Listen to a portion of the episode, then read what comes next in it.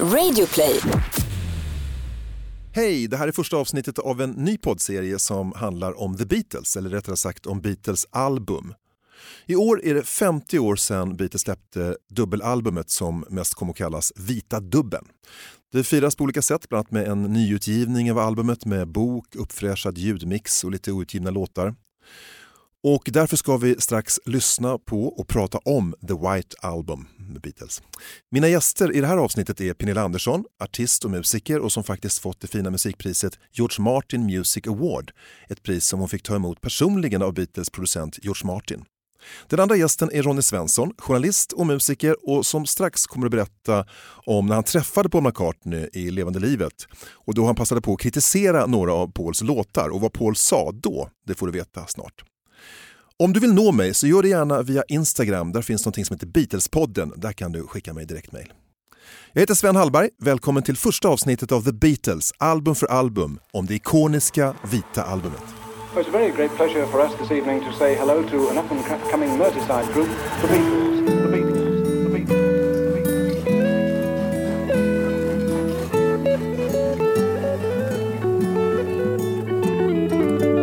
Hej, välkomna Pernilla Andersson, Hej. Ronny Svensson. Hej. Vad har Beatles betytt för er och dig Pernilla? Minns du första gången du hörde Beatles? Ja, det gör jag faktiskt. Eh, Men jag minns framförallt min pappa som berättade för mig att han eh, att han var en idiot när han började lyssna på Beatles för att eh, de var såna jazzmusiker så de tänkte att Beatles inte kunde spela fyra hela slag i en takt. De hade mycket tvåtakter och sånt och innan pappa och de fattade det så tyckte de att Beatles var helt liksom värdelösa på att spela innan de förstod att det var rimligt att spela så. Liksom.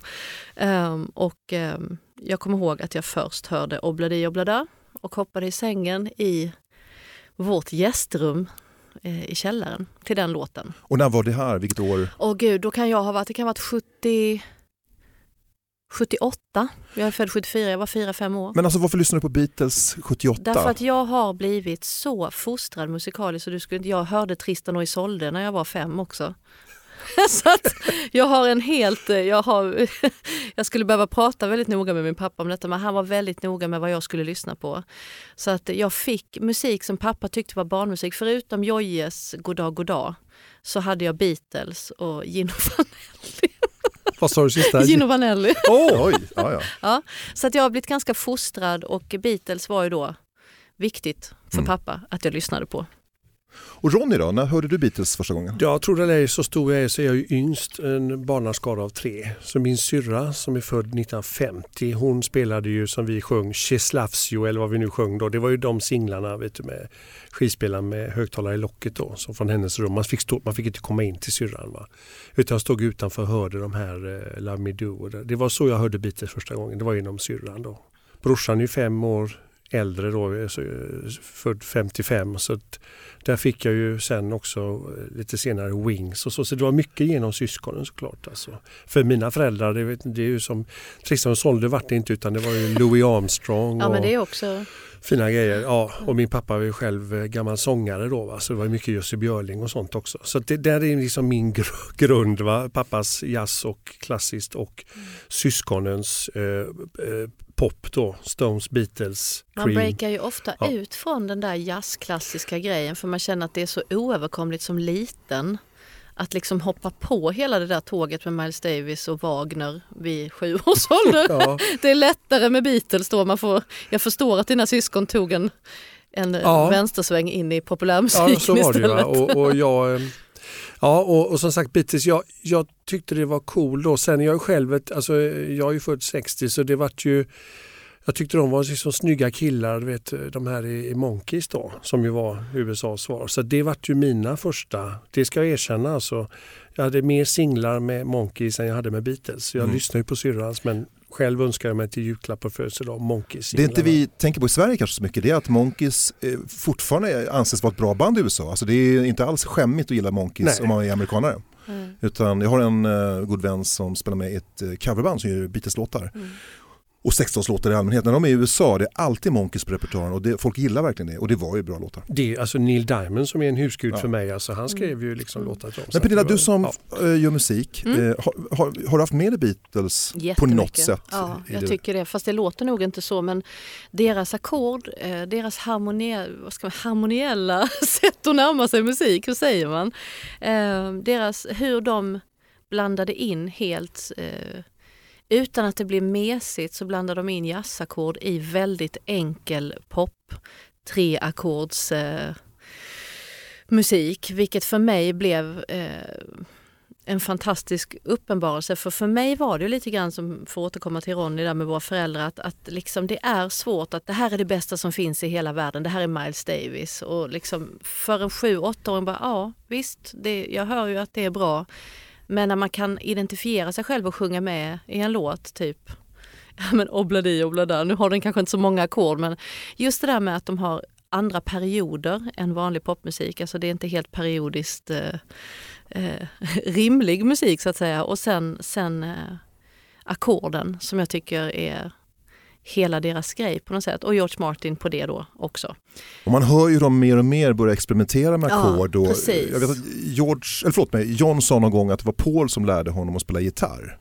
Så jag ser framför mig hur John och Paul står där och kolla här, C-dim 8. Alltså, man Ja, liksom men han var så varandra. säkert så viktig Paul kan jag tänka mig för han, han är ju kanske lite mer självsäker, eller jag bara tänker på hur man själv är. Jag har inte så här jättestark identitet som sångerska som till exempel jag inbillar mig att min kompis Sarah Dawn Finer har till exempel. Jag tror att hon identifierar sig som sångerska mycket starkare än vad jag gör.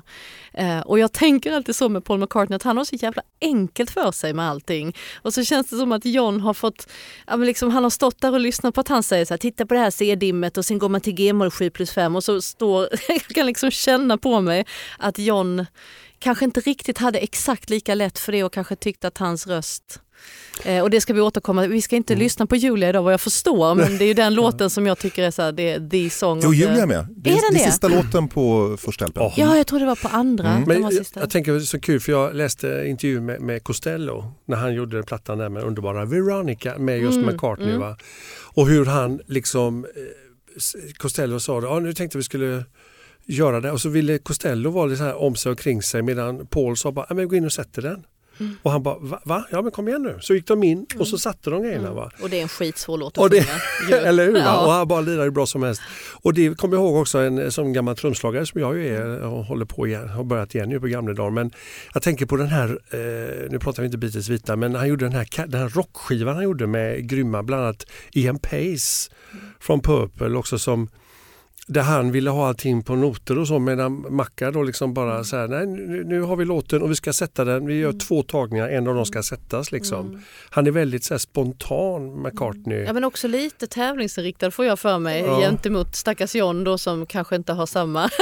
jag får, nu hittar jag på, det här är bara som jag hittar på. Jag bygger ett, liksom, ett bygge här som, men jag får för mig att Paul McCartney tycker att han hade lätta, alltså det känns som att han, när man lyssnar på när han sjunger, att han tycker själv att han sjunger bra. Han sjunger ju skitbra. Och John dubbar sig ofta och John, John Mm. liksom har Men det är så många av dem som, alltså Jimi Hendrix tyckte själv aldrig att hans röst dög. Han mixar ju sig själv Mm. väldigt lågt och, och det sa ju teknikern, nej upp med din röst, nej jag sjunger inte bra. David Bowie, samma sak. Ja, det är väldigt märkligt det där. Ja, men jag Vissa- tror det är lite hur man identifierar sig som jag återkommer då till. Är du att- likadan? Ja, men jag identifierar mig inte som sångare på det viset. Jag har ju förstått, det var ju Anders Burman, vår svenska motsvarighet får man väl Ja. säga till George Martin som han bjöd hem mig innan han dog så här, och pratade noga med mig om hur jag skulle mixa min sång. Och han bara, så här är det Pernilla, du har fel. Du ska höja din sång så mycket. När du har höjt den så mycket så att du typ tycker att det gör ont, då ska du höja lite till. Så- och det har jag gjort sen han dog faktiskt. Och Mm. jag tycker att det, det var the way to go. Men jag, har- jag är inte så här, jag går inte loss på min egen röst alls. Och jag tycker inte att det är den roligaste situationen i studion att lägga sång. Utan jag tycker det roligaste när allting är färdigt och jag får mixa. Liksom. Mm. Eh, sen, sen är ju sång, det här har jag dividerat med massor med sångerskor om. Sång är helt överflödigt tycker jag om man inte har en publik som står mitt emot och tar emot det man sjunger och texten och musiken. Eh, och sen så har jag några kompisar som bara, men du är inte klok, det är så härligt att stå i studion och bara wow, wow, wow, wow. Jag kan inte se något nöje i det alls. Jag är alldeles för os... Jag identifierar mig inte som sångare på det viset. Liksom.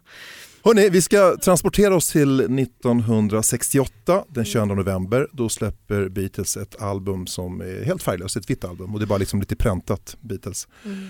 Det är inspelat under sommaren fram till hösten 68 och det kommer efter Sgt. Pepper's Lonely Hearts Club Band som har fått jättebra mottagande. Så gör man Magical Mystery Tour som är en tv-film TV mm. och en dubbel-EP. Tv-filmen tas väl inte emot så jättebra. Så de är alltså jag ska inte säga att de är tilltufsade men de, de har ju haft, de hade väldigt bra det efter Sgt. Peppers, då var de ju liksom, Brown Wilson i Beach Boys var ju knäckt liksom. Och, ja, det finns, finns, finns det nog inte en musiker i Men världen de, som inte... De gjorde det efter han hade gjort uh, sitt album med God Only Knows Pet, va? Pet Sounds. Ja, de blev knäckta, de blev mm. knäckta mm. varsin gång. varandra där. det är bra. Sen vet inte jag, jag misstänker att eh, Beatles, när de spelar in så, eh, det här vita albumet, är inte riktigt lika tajta längre. Det, alltså, det har börjat hända saker. Nej, men jag, när man lyssnar nu, för nu har jag ju gjort min Alltså socialtänkande ja, som kompisar. Ja, precis. Va?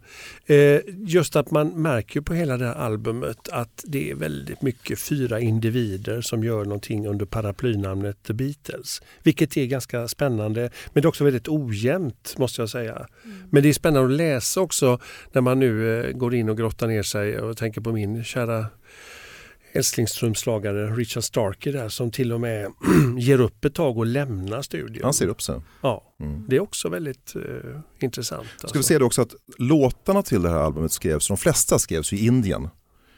I, eh, tillsammans med... Utom eh, Julia som han kom springande med precis när det var 24 timmar ja, kvar.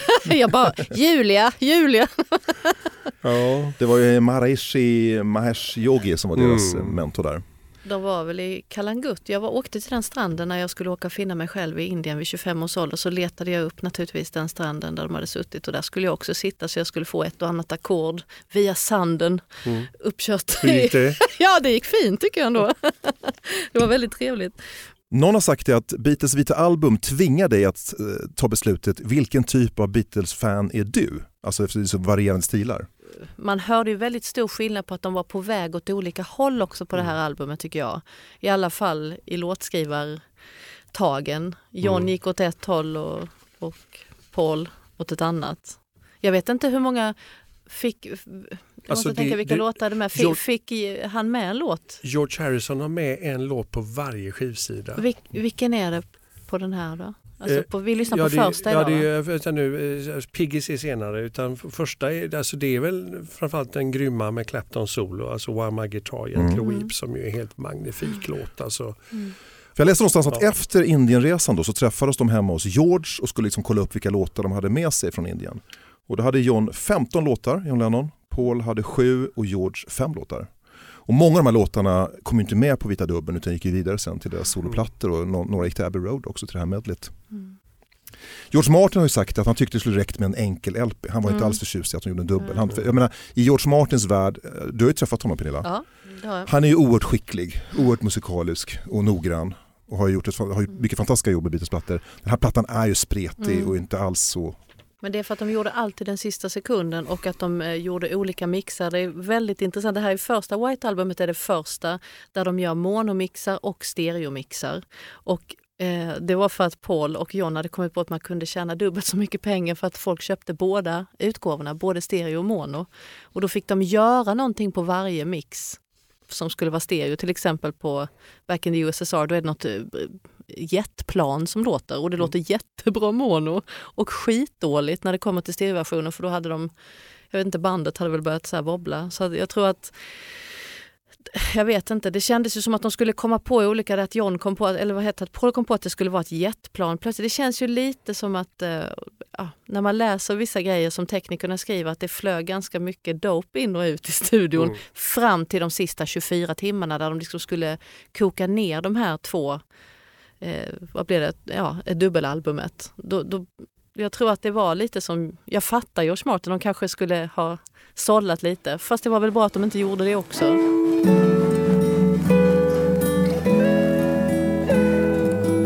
Men vad tycker ni om omslaget? Eh, det var Richard Hamilton som var popkonstnär. Och som skulle göra någonting som var en kontrast då till Sgt. Pepper som hade ett ganska ska säga, brokigt omslag, Mm. som ett collage. Eh, Det här är ju mer minimalistiskt så här blir det ju inte.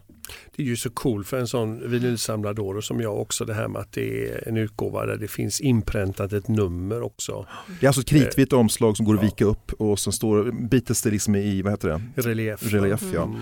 Sen då, inte på det här exet men på de första exen så var det då printat upp på baksidan tror jag, ett nummer. Ja det är ett nummer. Jag, jag kan ju bara säga att det där är ju i Det är som ett konstverk det, är- nästan. det är väldigt dyrt idag Mm. att köpa ett, ett UK-pressat. Mm. Jag har gjort det och det kostar mycket pengar. Alltså Mm. Det är dyrt idag. Alltså det exet du Original. håller upp är ju så använt så att jag blir faktiskt lycklig ändå när jag ser det. Därför att det är lite så som pappas fina skiva såg ut när jag hade använt det också Mm. i 15 år. Är, man blir lite ledsen och lite glad så jag vet inte hur man ska ska- reagera när man ser det. Sen ska det vara, det är ju svarta innepåsar i original Jaha, och oj de gick alltid sönder. Mm. Och så är det affischen alltså, och så de fyra vykorten där på dem. Ah. Ja, det, är- det är fantastiskt snyggt. Och det roliga är ju det här med namnet, för det har vi inte pratat om just att det heter ju inte The White Album, det heter ju The Beatles. Utan det är vad vi, det vi kallar Det det. är folkmun liksom Ja, att det har blivit ja. The White Album. Hörrni, skivan släpps i alla fall i november 1968, lagom till julförsäljningen säkert. Och i Sverige fanns det en lista som heter Topplistan som byggde på de mest sålda skivorna i Sverige. Och jag tänker innan vi lyssnar på Beatles vita dubbel LP1 där så ska vi höra hur lät svensk radio just då när skivan släpptes. Det låter så här till exempel.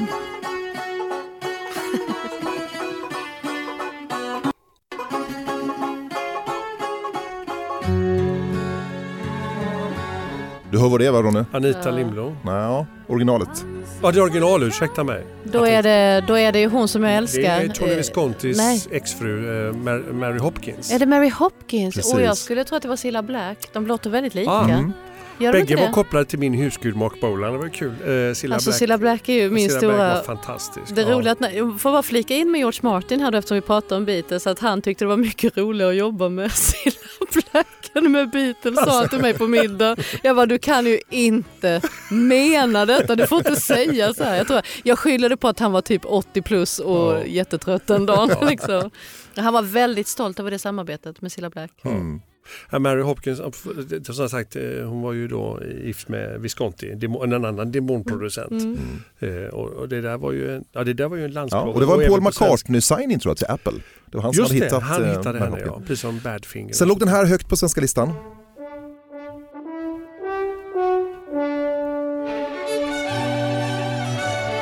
Fan fina stråkljud alltså jag blir glad. Ingeliz Andersen, eller? Ja, Inger-Lise Rypdal. Rypdal, hon Ja. gifte sig eh, med Terje Rypdal Alltså. och blev Rypdal. Hon hette Ingeliz Andersen hette hon ju från början. Jag har aldrig hört det här. Oj! Hon gifte Men sig med alltså vilket årtal är detta? 68 sa vi? Ja. Det är november 68. mamma lik sin Ja, mamma det är Sivan, Sivan, va? Sivan, det är metronom. Det här Ja. vet jag.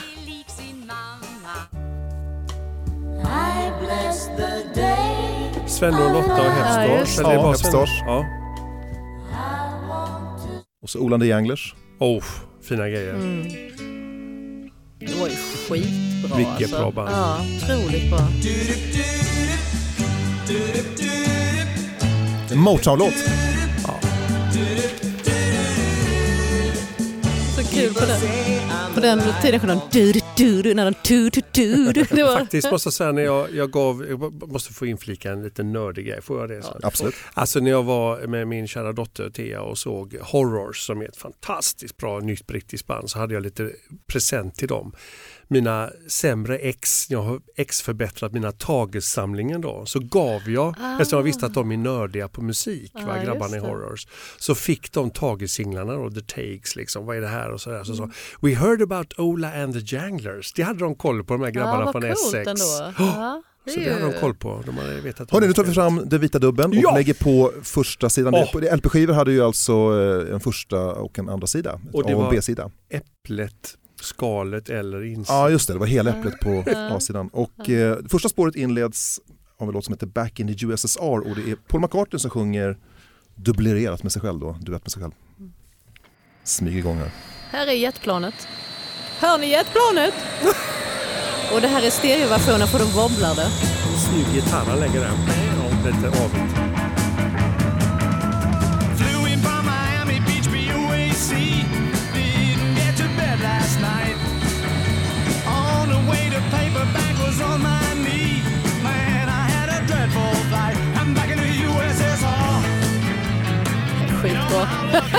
USSR.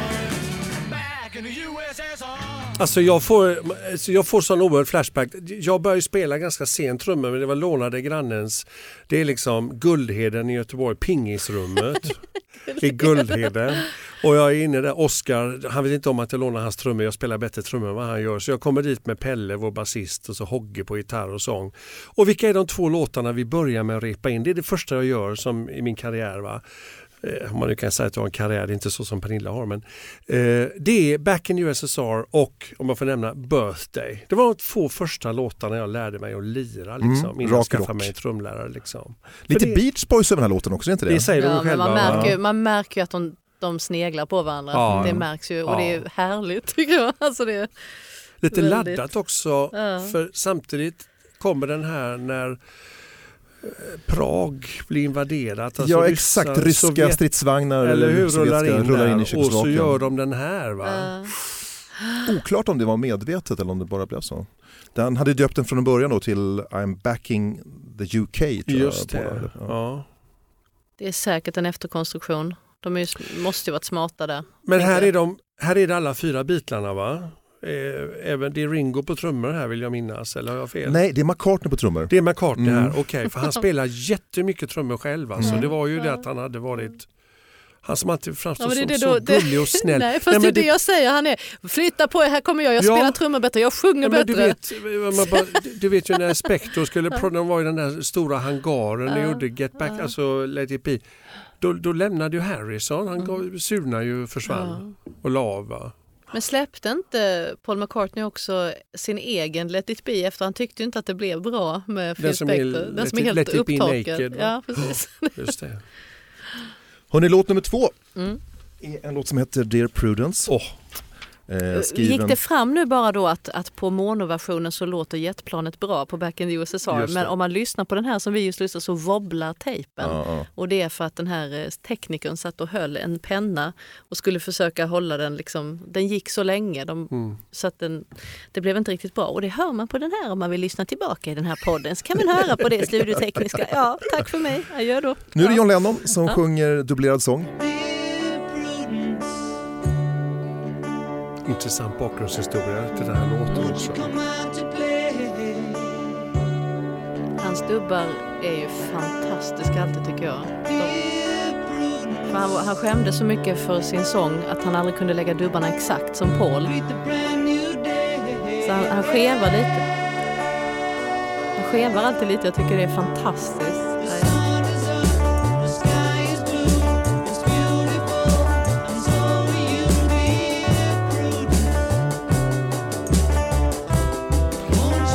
Det Paul igen här? Ja, Ringo är alltså, han har lämnat bandet Mm. här i slutet av augusti. För här är det lite, det är lite, måste jag säga, lite klantigt Och det är okänsligt trumspelet, eller hur? Lite så här floff, liksom lite är- enkelt. Ja, man hi-haten är lätt. väldigt högt mixad alltså, om jag ska vara lite nördig, men det får man vara. Va? Ja, det får man. Eh, är det inte det Pelle? Vad säger du? Men framförallt så har han ju inte den här, det här hänget eller tyngden som Ringo har utan det är väldigt det är fjäderlätt eh, spelat liksom. Ja, det är inte lätt att ersätta Ringo Starr. Nej, det är, alltså, jag är en stor hjälte för mig. Alltså. Och texten, Prudence, Mia Farrows syster. Alltså det finns ju, det sägs ju, jag vet inte om det var för mycket av både det ena och det andra, men att hon vek, vek undan och gömde sig. Won't you come out to play?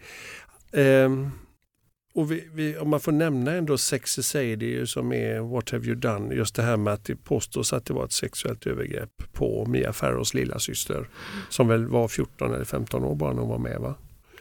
Där. Eh, och att det var det som var att hon, att hon försvann in i sig själv där. Eh, och sen lite läskig koppling, jag tänker på Dakota Building där Lennon tyvärr då blev mördad så brutalt.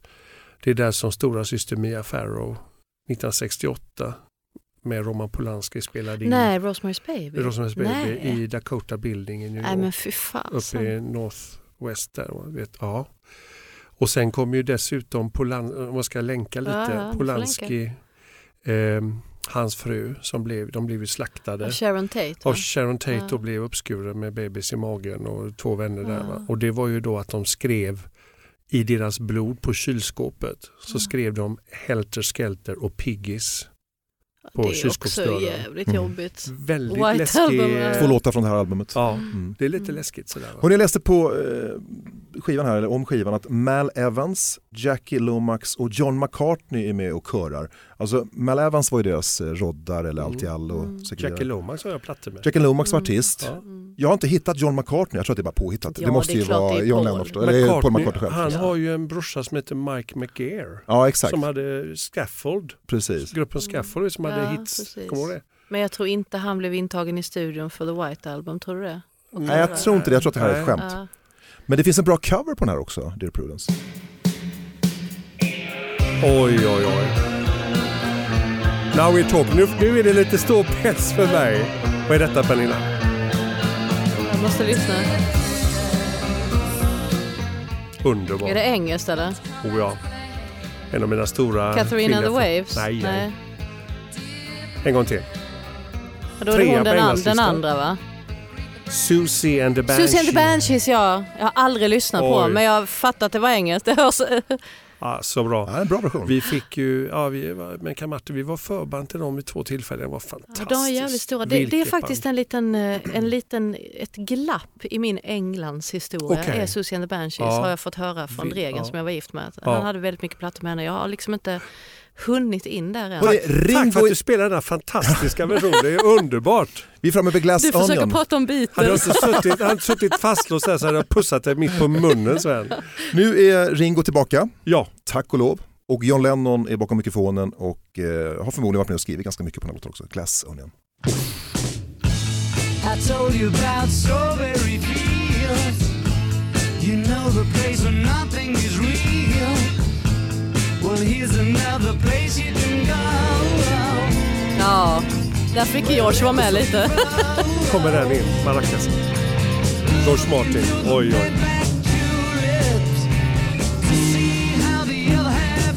Fan vad länge sedan jag lyssnade på den här plattan. Ja, men den här låten, Det är en helt annan eh, tyngd i trummorna här ju, eller hur? Genial. så bra. Här kommer det. Ja. The walrus was Paul.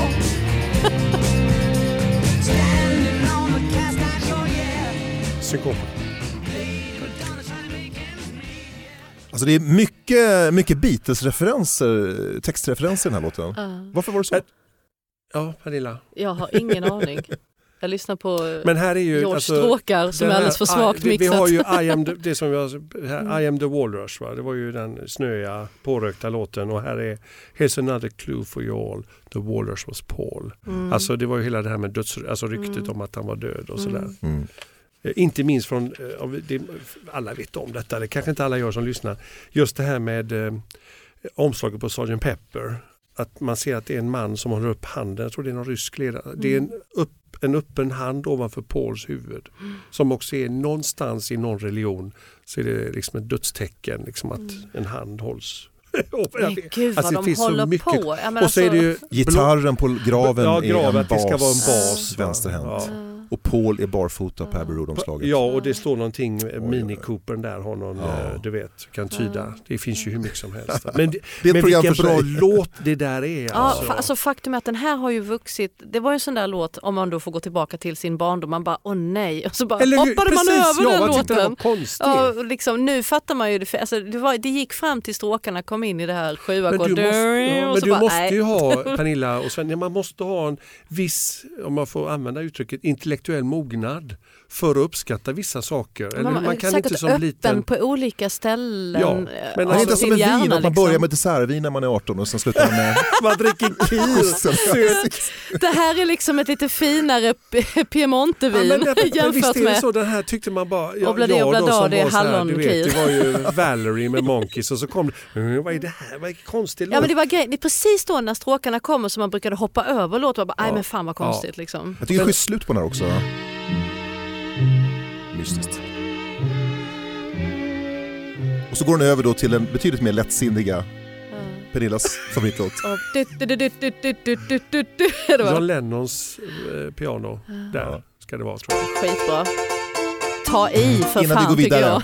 Har ni hört, hört storyn om pianot? Nej. Alltså de håller ju på så länge med den här låten så det, det, alltså stämningen ja, det är, är otrevlig i studion. Ja. Alltså. Paul är ju så envis hur det ska ja. låta. Alltså Paul har en vision Nej men så säger, säger John Lennon då I'm stoned, säger han till Paul McCartney. I'm more stoned than you ever will be. Och sen rusar han fram till pianot och hamrar hysteriskt. Ja. Och till och med Paul får säga liksom, Ja. det är nog så där det ska vara. De har hållit på då i 42 timmar med den här låten, i sju dagar. Och så springer John Lennon fram superstenad och bara liksom är oj, helt hysterisk. Liksom. Alltså, Det är jag, fantastiskt. jag minns när jag, jag intervjuade honom, eh, Paul då, när han var på Mycket ballare Globen. produktion det här ju. Ja. När han var på Globen två dagar fick jag träffa honom. Och jag vågade vara lite så här att jag sa så här att well, um, songs like Obladi Oblada and Maxwell Silverhammer. Eh, och så sa jag bara, vad, vad, hur ser du själv på dem idag? Och då tittade han på mig, alltså han visste att jag inte var överförtjust i dem, Mm. lite lättsamma så här. Do you think anything wrong with those? Alltså han var väldigt så attackerande och försvarsställning om Obladi Oblada. Alltså. Han står för den fortfarande. Han står för den väldigt, väldigt ja, mycket. jag står för det. Det är en skitbra poplåt. Och så är det fantastisk körar som man absolut glömmer bort. Ska du lyssna? Men jag, ja, ja. Fantastiskt pianoljud. Jag älskar det här Ja, pianospelet. alltså, Det är så jävla bra. är- Det tänkte man inte på som väldigt ung.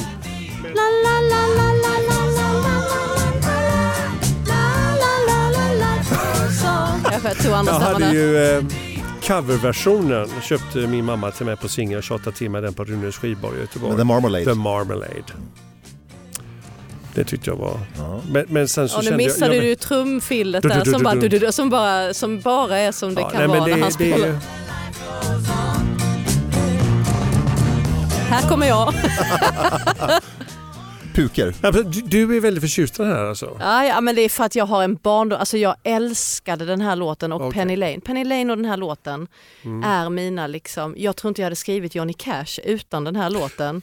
Da, da, da, det är typ samma Mm. ackord fast liksom med tågtuffarkomp på något sätt. Och Sven? Eh, no, nej, det är inte en av Ja, mina men det är favoriter. ingen av dem som är äldre än mig som tycker så här. Utan det, jag var ju precis i den åldern. Liksom, jag hörde 78 och det var liksom, ja, på något sätt. 60, ja, jag hör- alltså 68, Alltså, det 69. kom- men då var- hur ju- gammal var du då? Du var ja, ju jag är ju född för- 60 så jag var ju 8-9 Ja, år. ja, vet, men jag och, och framförallt. Va? När man börjar läsa om tiden, vad de höll på med och hur Mm. låtarna gjordes, då börjar man mer och mer tycka om musik. Och jag, jag gillar Obladi Oblada när jag liksom har läst om den och man hör John Lennons utbrott där. Då får liksom, låten får liksom kött och blod. Och, Ja men det är ju så. Fast Mm. jag tror inte att det var så jag började älska utan jag tror att jag bara helt enkelt har haft en så här barncrush på den här låten och typ kan varenda liten grej på den. Eh, Utan att det egentligen är rimligt. Jag har, nog, jag, har nog, alltså jag har nog mer bara tröttnat på den för jag hade som sagt singel med Marmalade som gör en Alltså nästan en kopia av den. va? Det är ju så. Jo, för efter Obladi Oblada så kommer ju också en lite skum låt. Wild Honey Pie. det är också. Också enmansverk. Va? Ja. Men, Alltså jag älskar den här sidan av Beatles som, som många som jag har turnerat med hatar.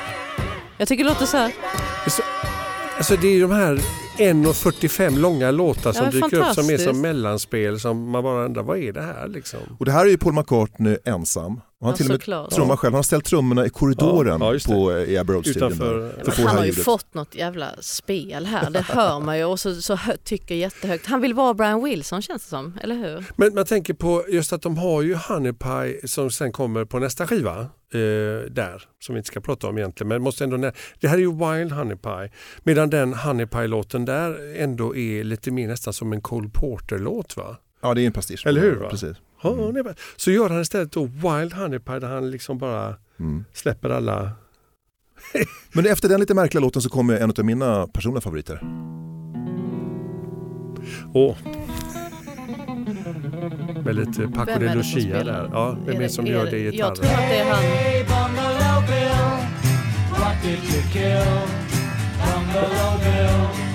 Hey,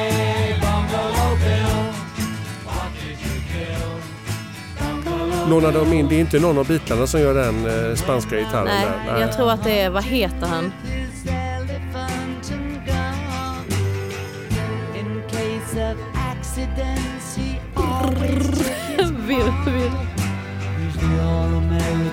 Mandoliner.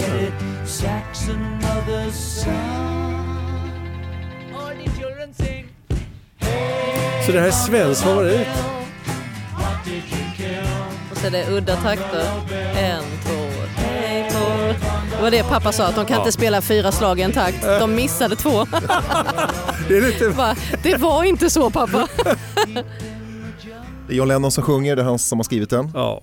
The continuing story of Bungalow Bill. Alltså som, jag, man skulle vilja veta vad det var för typ Captain av dope som Marvel, åkte ut och ja. in i, i liksom, för det, det är liksom eh, trippat väldigt mycket. Och liksom. referenser till populär, alltså Captain Marvel, alltså allt möjligt där, Zap between his eyes, alltså det är eh, väldigt flippat. Alltså. Alltså jag bara tycker det är så fantastiskt att man har skrivit ett, det här albumspåret och bara tänker själva. Man bara, jag har skrivit en låt, ska vi ha med det här på skivan?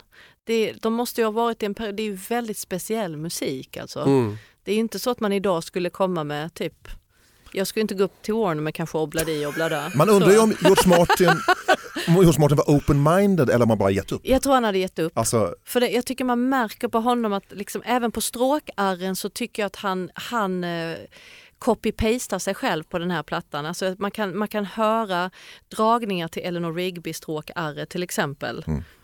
Fast inte, alltså inte riktigt likadant. Det känns som att han bara säger "Aj, jag skiter i det här nu på något sätt. och den här låten spårar ju också på slutet.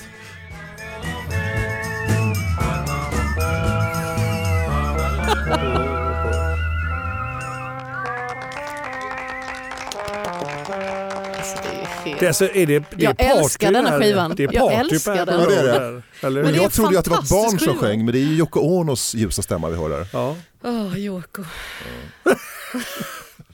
Det bygger till i alla fall på en story, eh, när de var i Indien då så var det någon eh, rik amerikanare som avbröt meditationen för att gå ut och skjuta en tiger. Skjuta en tiger. Och det tyckte John då var lite vidrigt. Just det, det var ju vedervärdigt. Ja. Just det läste Ja. jag. Att han avbröt liksom det meditativa för att gå ut och liksom skjuta. Alltså Ja. det är ju förfärligt. Bungalow Bill. Ja, det var Bungalow Bill det. Hörrni, ska vi höra övergången nu mellan Bungalow Bill och While My Guitar Gently Weeps? Jag tycker den är så Ja. snygg. Den Alltså det, där har du ju absolut en låt man kan gå upp med när som helst. På, alltså det är en sån fantastisk komposition.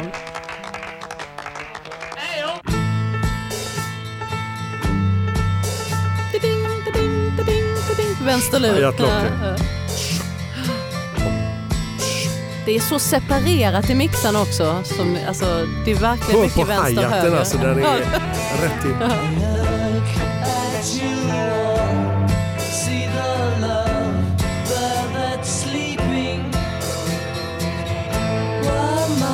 Och vilken fantastisk titel, While My Guitar Gently Weep. Han har läst en Ja, bok. det här, det här gitarrljudet.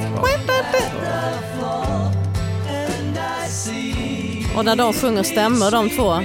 Det är liksom...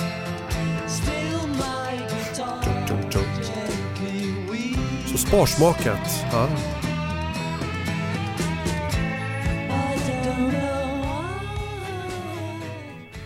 Här börjar man ju ana George Harrisons storhet som låtskrivare. Oh my Ja. god, det är fantastiskt.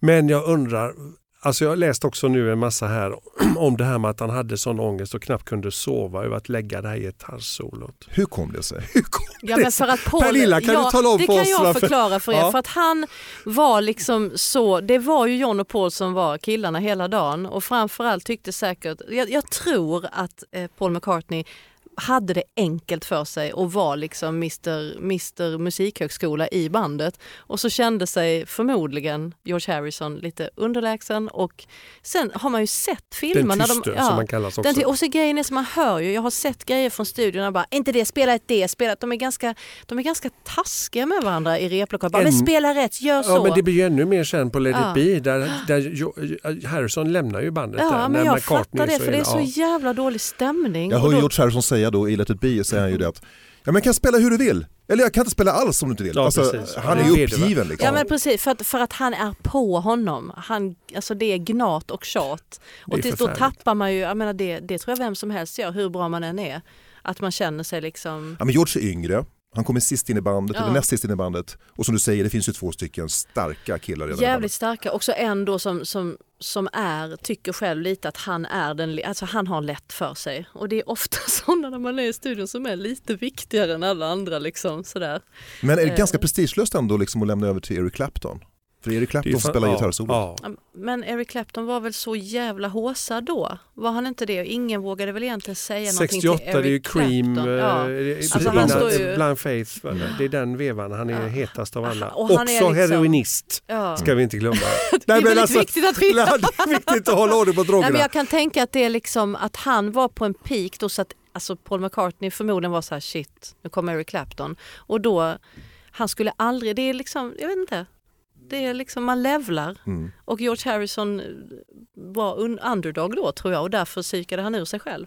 Jag är expert på utpsykning av mig själv, jag kan prata om det här väldigt länge. Ett poddtips från Podplay.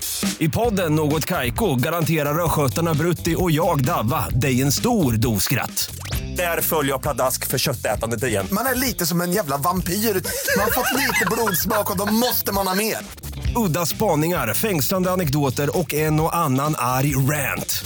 Jag måste ha mitt kaffe på morgonen för annars är jag ingen trevlig människa. Då är du ingen trevlig människa, punkt. Något Kaiko, hör du på Podplay. Därför är gardinerna.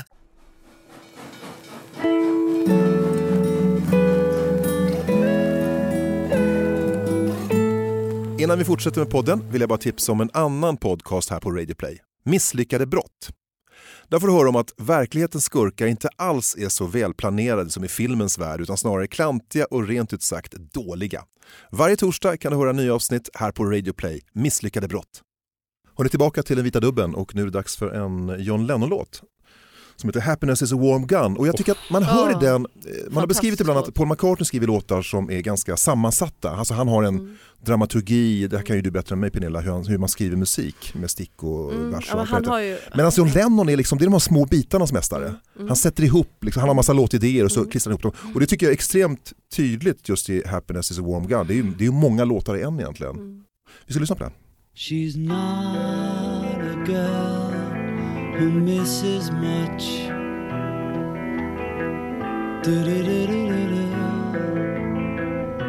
Oh yeah.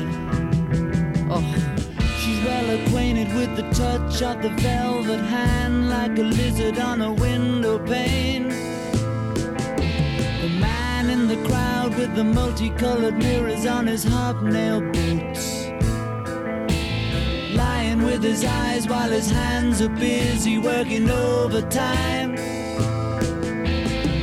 A soap impression of his wife, which he ate and donated to the National Trust.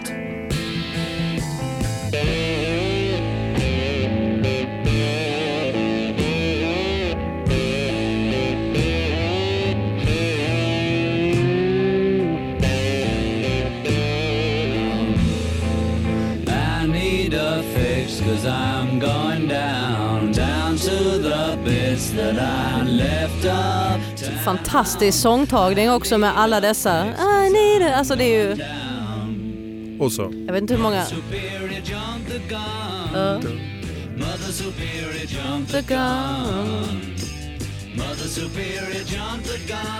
Men här kan man ju verkligen höra att de har varit i Indien med alla dessa underdelningar och femtakter och liksom.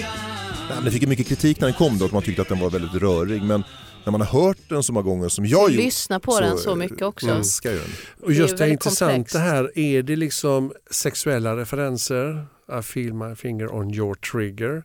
Eller är det, det är 68, det är Vietnamkriget. Mm. Happiness is a warm gun, bang bang va? Det är väl upp till lyssnaren tänker jag att han tänker. Ja. Att, och det, desto mer de dividerar desto bättre är det. ja. Sista låten på första sidan på The White Album, det är en Paul McCartney-låt. Typiskt Paul McCartney får man säga. Mark my dear. Om hans vovve. Hans shepherd dog var det va? Det är också typiskt Paul McCartney att skriva om sin hund. Mm.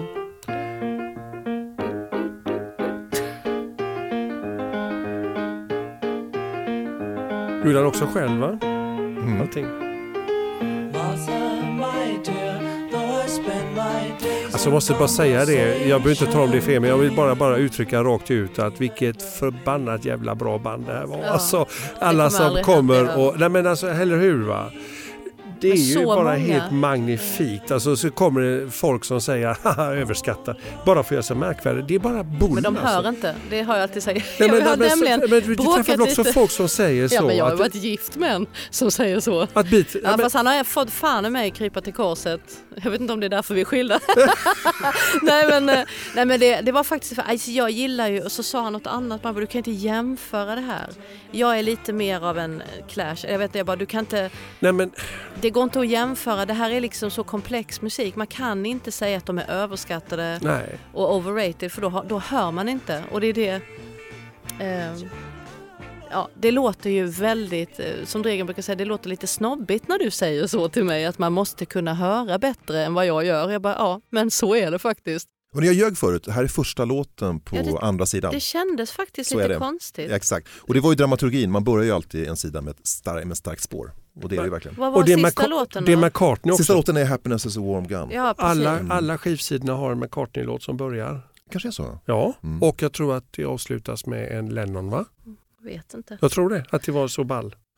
Och att George... Ja, men Abbey Road börjar med Come Together. Ja men alltså den här plattan. Ja, den här ja. ja, ja. Den här plattan ja, ja. är Ja, McCartney det. börjar, Lennon ja. avslutar, McCartney, Lennon, McCartney, Lennon. Och sen har då vår käre den tyste fått med en George, låt ja. på varje Ja, det är skivsida. fantastiskt. Nu kommer låten till John Lennon, det är andra låten på andra sidan. Eh, Den heter I'm so tired, skriven i Indien. Eh, och eh, ja, det är äktenskapsproblem hör man, det är lite deppigt. Eh, Paul är med och sjunger duett på slutet. Och imiterar John säger man, att man, han försöker liksom låta som John Lennon. Han, Det här, han har två, ursäkta om man får använda uttrycket, han har två bollar i luften här. Han har väl Cynthia, är han inte skild ifrån och så har han träffat Yoko va? mm. Är det, det är inte det den här andra tjejen som, som Jocke säger, kan du flytta med honom till jag orkar inte med honom? Är det inte? Det är nog senare tror jag. Ja det är senare, Ja, okej. Så jag Här- tycker det är är så de- Det är fantastiskt. bara, här tror jag. jag orkar Ja. faktiskt inte med. Men här har ju Yoko Ono har ju börjat dyka upp i studion. Ja. Hon är med och sjunger ibland. Så att, eh, Alltså det där, det där kan jag ju tänka på mycket så eftersom man sitter så jävla mycket i studios själv och har gjort med typ när man jobbar med andra artister så här. Att det bara dyker upp någons, med, någons Alltså jag har så jävla svårt för det. Att det bara skulle dyka in. Alltså, för jag vet att Dregen och jag gjorde saker tillsammans när vi gifte men då var det verkligen så här, okej vi ska göra det här tillsammans. Fort in, fort ut. Jag skulle aldrig på den tiden vi var gifta gå ner och sätta mig i Hellacopters inspelningsstudio eller i Backyard Babies. Och jag tror inte att han skulle tycka det var bekvämt att komma in och bara Ska jag sjunga lite? Lite gitarr kanske? Alltså jag tycker att det måste ha varit så jävla jobbigt för de andra medlemmarna också tänker jag. Hur kära de än var så är det ju lite jobbigt tycker jag. Att Vad tycker ni? där, Jocke. Ja, Vad men det är ju tycker ni? det att, att Jocke Jo, för jag kan tänka mig också att de här fyra de har ju en kemi sinsemellan. De har sina roller, de har känt varandra, de har gått igenom så mycket Mm. tillsammans. Och det är ju en process att göra musik. Ja. Och där är man säkert väldigt så här, Ja, men man har ju hjärtat öppet. Och Ja. så, sär- särskilt därför, han ville säkert ha med henne just för att han tyckte det var jobbigt i studion, det kan jag tänka mig. Men fasen var jobbigt när det börjar komma in externa människor. Det, detta är i en ju, alltså jag måste ju process. som eh, filmfreak, alltså i Spinal Tap är det ju så väldigt fantastiskt bra, alltså, eller hur? När hon är cowboy, liksom, kommer då och bara stör Nigel Tufnell där, liksom avskyr henne. Va? Det är väldigt roligt gjort. Jazz is an accident waiting to happen. det spånas hej vilt i den här Ja. podden.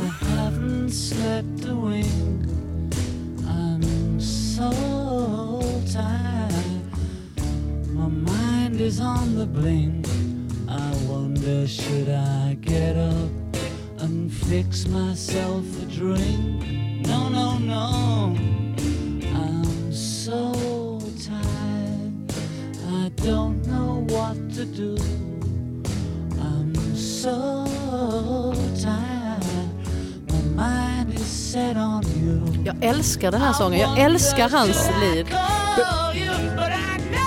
Det är väl John och Ringo mycket här va? Va- Och Paul McCartney var, och höll på med sitt, tror jag.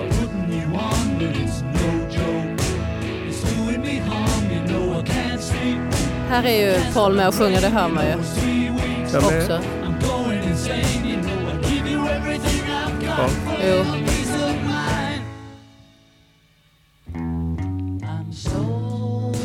ska du lyssna på slutet där? Jag tror att ja, det är Paul. Nej, I give you a little thing, but man hör ju honom där uppe. Mm. Det är ju han, det är ju Paul McCartney, Ja, hör man ju direkt. han in. För För att grejen jag- att han var också så stolt över att han kunde komma så jädra högt. Det märker man ju också, han tar ju alltid dem. Och även nu då när man ser honom live så är han ju, han verkar ju inte som andra normala människor falla neråt med åren utan han sjunger ju där uppe fortfarande.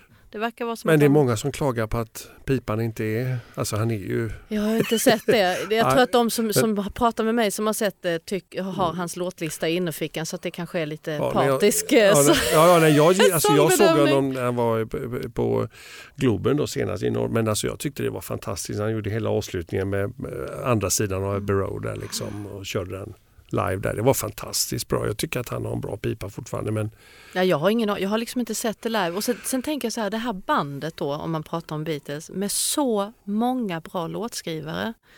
Alltså tre stycken sådana hitmakare, det, Mm. det är ju unheard of nästan, är det inte det? ja. Alltså det är helt Och just det här, men det snackar man också om det här med band, att man har flera leadsångare. För det är inte Mm. väldigt, alltså, men Mm. Beatles var ju Mm. tidiga med det va. Stones är ju, det är ju Mick, Ja, eller hur? exakt. Det är mest Ja, att de släpper fram Det Keith, är, ju, det är ju det som är, det är den kopplingen. Stones eller Beatles, det kan jag inte ens förstå. Det grundar sig i två helt olika sätt att skriva musik. Det var det som, som jag tyckte var att jag gillar Stones bättre än Beatles. Ja, det kan man göra. Det är två helt olika saker. Jag älskar Stones också, men det går inte att jämföra hur de skriver musik. Det är helt, de, Mm. de bottnar i en blues-tradition, Stones, som är liksom helt annorlunda än Tycker jag i alla fall. Beatles är väl i så fall mer likt eh, i den här perioden Beach Boys måste man ju säga. Hörrni, eh, när de var i Indien då så hade de ju inte eh, elektricitet utan de spelade mycket akustiska instrument. Så att många låtarna som skrevs där är ju lite grann som Paul McCartneys Blackbird, alltså Oh. singer-songwriter. Blackbird singing in the dead of night. Take these broken wings and learn to fly. All your life, you were only waiting for this moment to arise.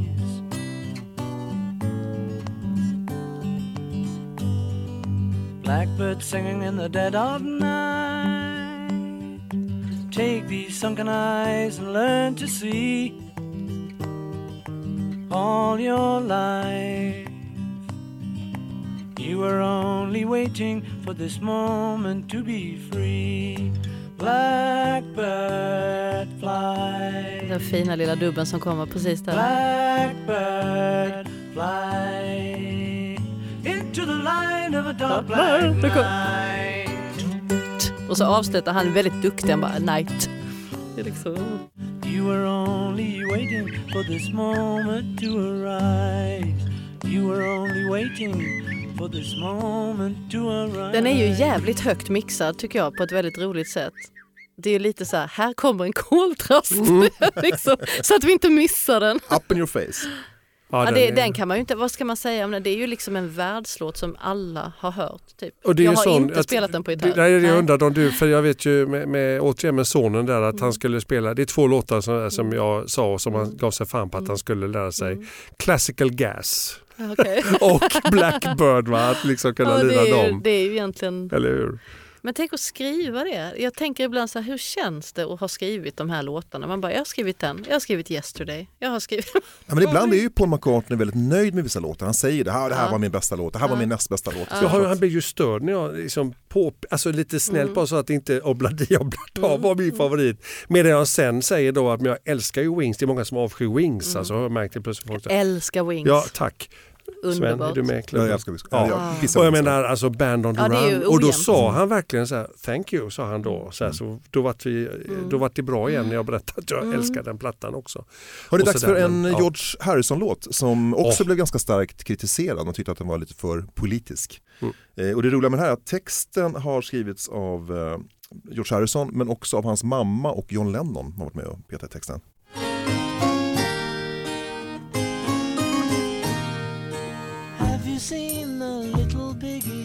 Det här är ju, de har ju läst George Orwells va, eller hur? Djurfarmen med de kapitalistiska svinen liksom. Och som sagt, den fick ju ett tråkigt just det här med att de skrev med blod då i huset i, i Beverly Hills så skrev de Piggies på dörren, där på kylskåpsdörren tydligen. Va? I och för sig väldigt svårt för George Harrison att veta att det skulle hända nej, när men- man nej, nej, skriver men- en sån nej, här. nej, det är, liksom. Visst va, Han har ju väldigt, man hör ju här att, att, ehm, att han har sitt eget tonspråk. Alltså man hör ju lite av Here comes the sun, man hör lite om det som ska komma sen i den Mm. här wow, wow. Jag tycker att man börjar höra hans styrka som kompositör Ja. väldigt tydligt här. Just som du säger, alltså Here comes the sun Mm. och Something, bägge Mm. de kanonlåtarna på Ja, men jag kan Vilka inte förstå. Det är makalöst ja, ja, det är alltså. makalöst. Det är faktiskt Det är intressant att makalöst. se också på Spotify vilka Beatles-låtar som har streamat med. Så är det alltså typ George Harrison. Oh, där fick de. Ja. Det var ju härligt. Det är så. Ja. Underbart. Nu blir det en låt som vi snackade om lite tidigare här. Det är Rocky Raccoon med Paul Ah, McCartney. sjöng country här.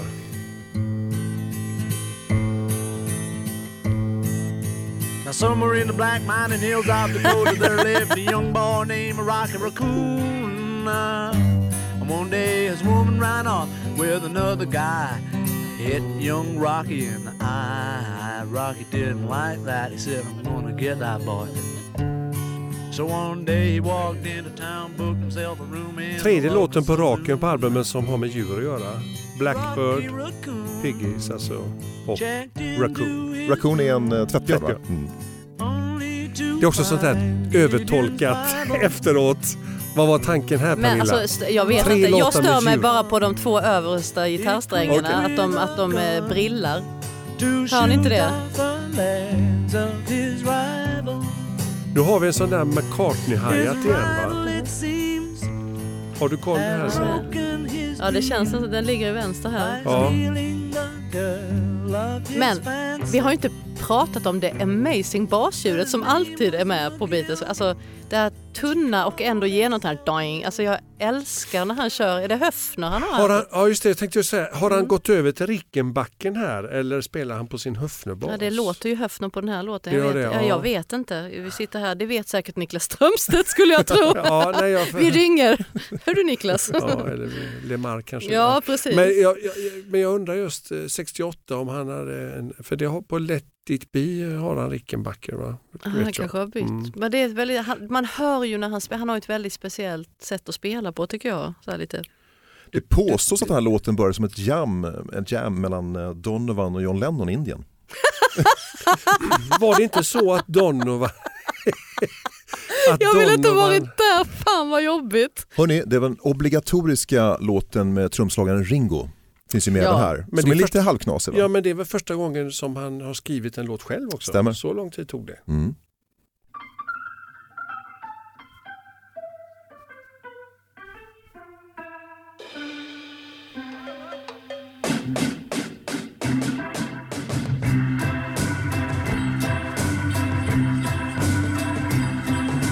I listen for your footsteps coming up the drive. Listen for your footsteps, but they don't arrive. Waiting for your knock, dear, on my old front door. I don't hear it. Does it mean you don't love me anymore? Vem är det som spelar fiolen Ja, vem är det som- det Jag var någon bluegrassmusiker Ja. som trodde att... Ja, som lyssna på tyckte- solet här? Alltså man kan ju förstå en producent som George, här, eller vad säger jag, som... Eh, ja, precis. Alltså, behövdes den här låten verkligen? Undrar man ju. Ja, men det är väl alla får påsar, är det inte den grejen tror Ja, du? jo. Men bara så här i efterhand. Ja, han har gjort så mycket, Så han, lite så han har gjort så mycket andra, mycket bättre grejer men... Nej, men jag läste om det här att eh, de hade då som du säger plockat in en eh, bluesgrass-violinist som heter Jack Fallon. Men han blev jättegenerad då man eh, bestämde sig för att behålla hans lösa improvisationer som Ja. han inte ens trodde skulle kunna vara med på Och inspelningen. det är de här, för de är Ja. lite sura hör man ju. Och de är sura därför att man bytte tonart tydligen. Man, de höll på att pitcha och grejer jag hade så att det var inte alls rätt förutsättningar Ja, men jag kan ju fatta att han inte var helt nöjd med att det här var det han gjorde på Beatles skiva. Jag hade också blivit lite ledsen för att det låter ju inte jättekul. Jag tror han gör mycket bättre. Men, men alltså just det här, det är en dubbelskiva och den är ju rolig på sitt sätt. Men den här låten, jag vet inte. Jag fattar att George Martin bara, alla måste ha med en låt, men eller ska vi bara göra en platta? Jag vet inte. Vad tycker ni? Ja, nej, men det, sen kom ju Octopus's Garden sen den ska vi, det finns ju också en underbar historia om Pet- Peter Mm. Men, men Sellers det är ju en mycket bättre låt ja, också. och det är ju det här när han var med Peter Sellers på en lyxjakt och fick höra hur eh, bläckfiskarna bygger trädgårdar på sand. Men här är ju den här låten, det är också en sån där som man hoppar över. Va? Gör man inte det? För det finns inget Alltså den hoppar jag magiskt. över fortfarande. Ja. Det är inte så många andra låtar. Sen vill jag ju säga ändå som gammal trumslagare själv här, alltså ändå att, att Ringo var ju en stor hjälte för mig väldigt tidigt. Jag kommer ihåg när jag pratade med, det var så kul att få komma och lära känna massa härliga trumslagare här i Stockholm sen jag flyttade hit, liksom Roger Palm och Douglas Westlund. Och, alla. och Douglas berättar ju med Telstars, just när man såg Ringo, han har en väldigt speciell swishande, alltså att han i sidled lirar på hi-haten. Och, och det var ju väldigt speciellt att lira, inte lira utan. Och det sa Douglas att alla vi unga trummisar när vi fick se Beatles, så när de var på drop-in och det här, Mm. så kolla hur han spelar på hi-haten den där liksom Ringo. Och då skulle var coolt. alla börja med det och Åh, swisha på häftigt. hi-haten. Ja, det är ganska coolt. häftigt alltså. Ja, det är häftigt. Hörrni, nästa låt, det där var alltså Don't pass me by eh, av och med Ringo Nu kände jag mig taskig mot Ringo. Jag har, satt, jag har lyssnat på fler dåliga låtar känns det som.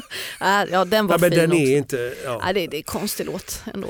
Nästa låt trodde jag väldigt, väldigt länge innan jag köpte böcker om Beatles att det var en John Lennon-låt. Eh, Men det är Paul McCartney och han har själv sagt att det här, den här tycker han själv låter som en John Lennon-låt. Den här Why don't we do it in the road. Ja men det gör det ju Mm. faktiskt. Han sjunger ju makalöst häftigt här alltså. Ja. Why don't we do it in the road?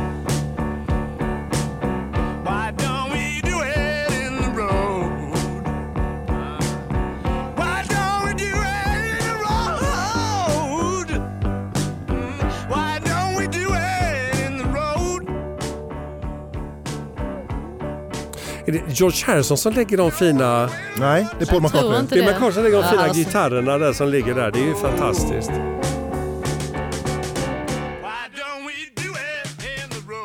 Han spelar trummor själv här också Alltså den här va? låten har jag en liten här. input på som handlar om mig. Jag gjorde en dansk föreställning i den här låten där jag skulle eh, klättra på fem människor upp nio Men den, meter jag i såg dig luften Pernilla i Uppsala. då- under den här låten. Ja, Why don't we do it in the road? Jag har aldrig varit så rädd i hela mitt liv. Alltså. ja, du gjorde det bra. Det var svårt kan jag säga. Så Ja. varje gång jag hör den så bara ser jag mig själv stående nio meter upp i luften i någon jävla sele Mm. med vitt ansikte. Ja. Konstigt. Nej, det, det, det, är, det är Ringo som spelar trummor men det är eh, Paul som gör alla andra instrument. Hörrni, nästa låt, också en Paul McCartney-låt. En liten ballad. Inspelad den 16 och 17 september 1968. Och det krävde alltså 67 tagningar innan eh, Paul McCartney var nöjd med den här. Who knows how long Åh, I've loved fantastisk you? låt tycker jag.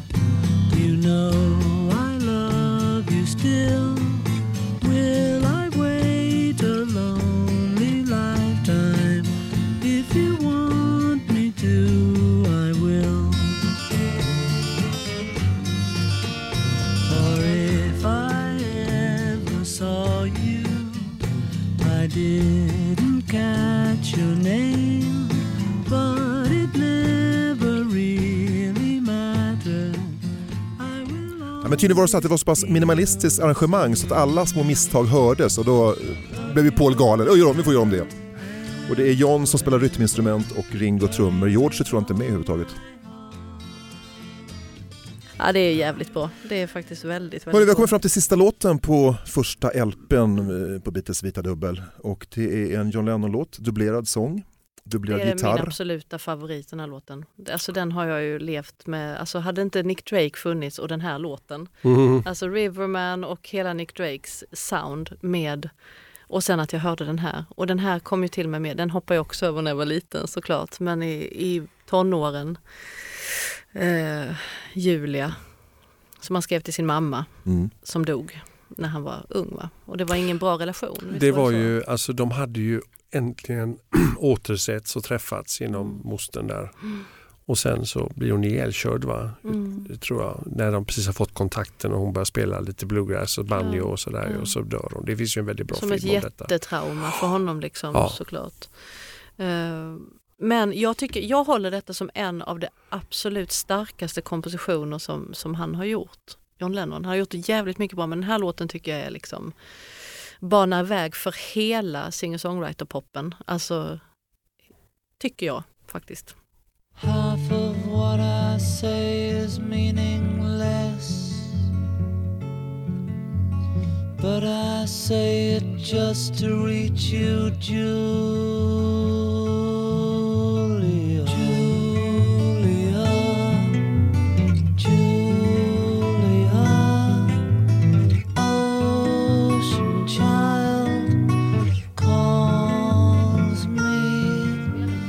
So I sing the song of love, Julia.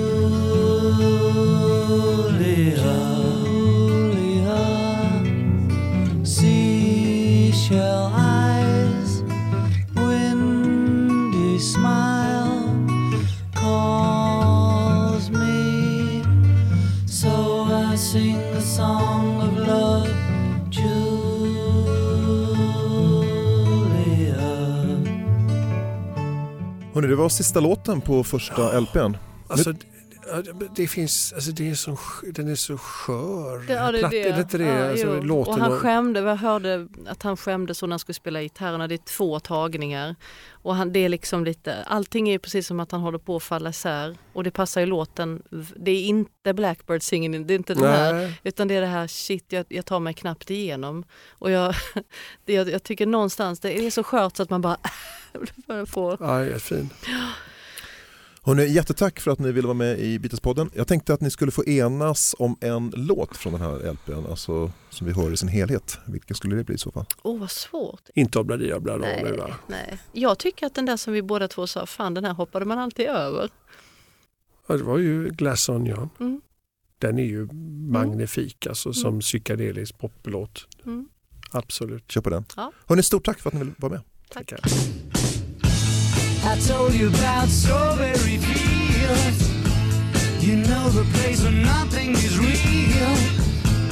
Well, here's another place you can go. Where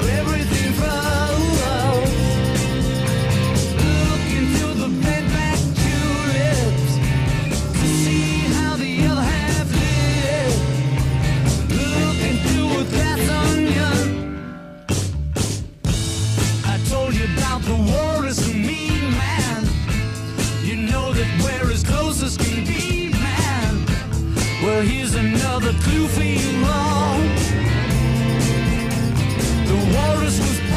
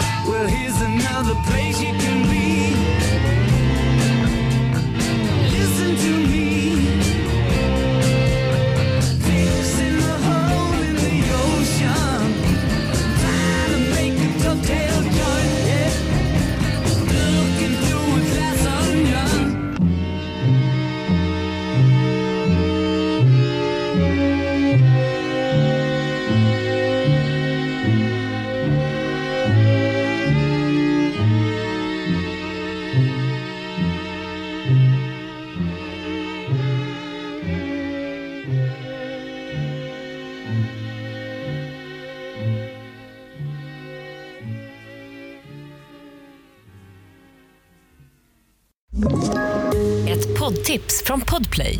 I fallen jag aldrig glömmer djupdyker Hasse Aro i arbetet bakom några av Sveriges mest uppseendeväckande brottsutredningar. Går vi in med hemlig telefonavlyssning och, och då upplever vi att vi får en total förändring av hans beteende. Vad är det som händer nu? Vem är det som läcker? Och så säger han att jag är kriminell, jag har varit kriminell i hela mitt liv men att mörda ett barn, där går min gräns.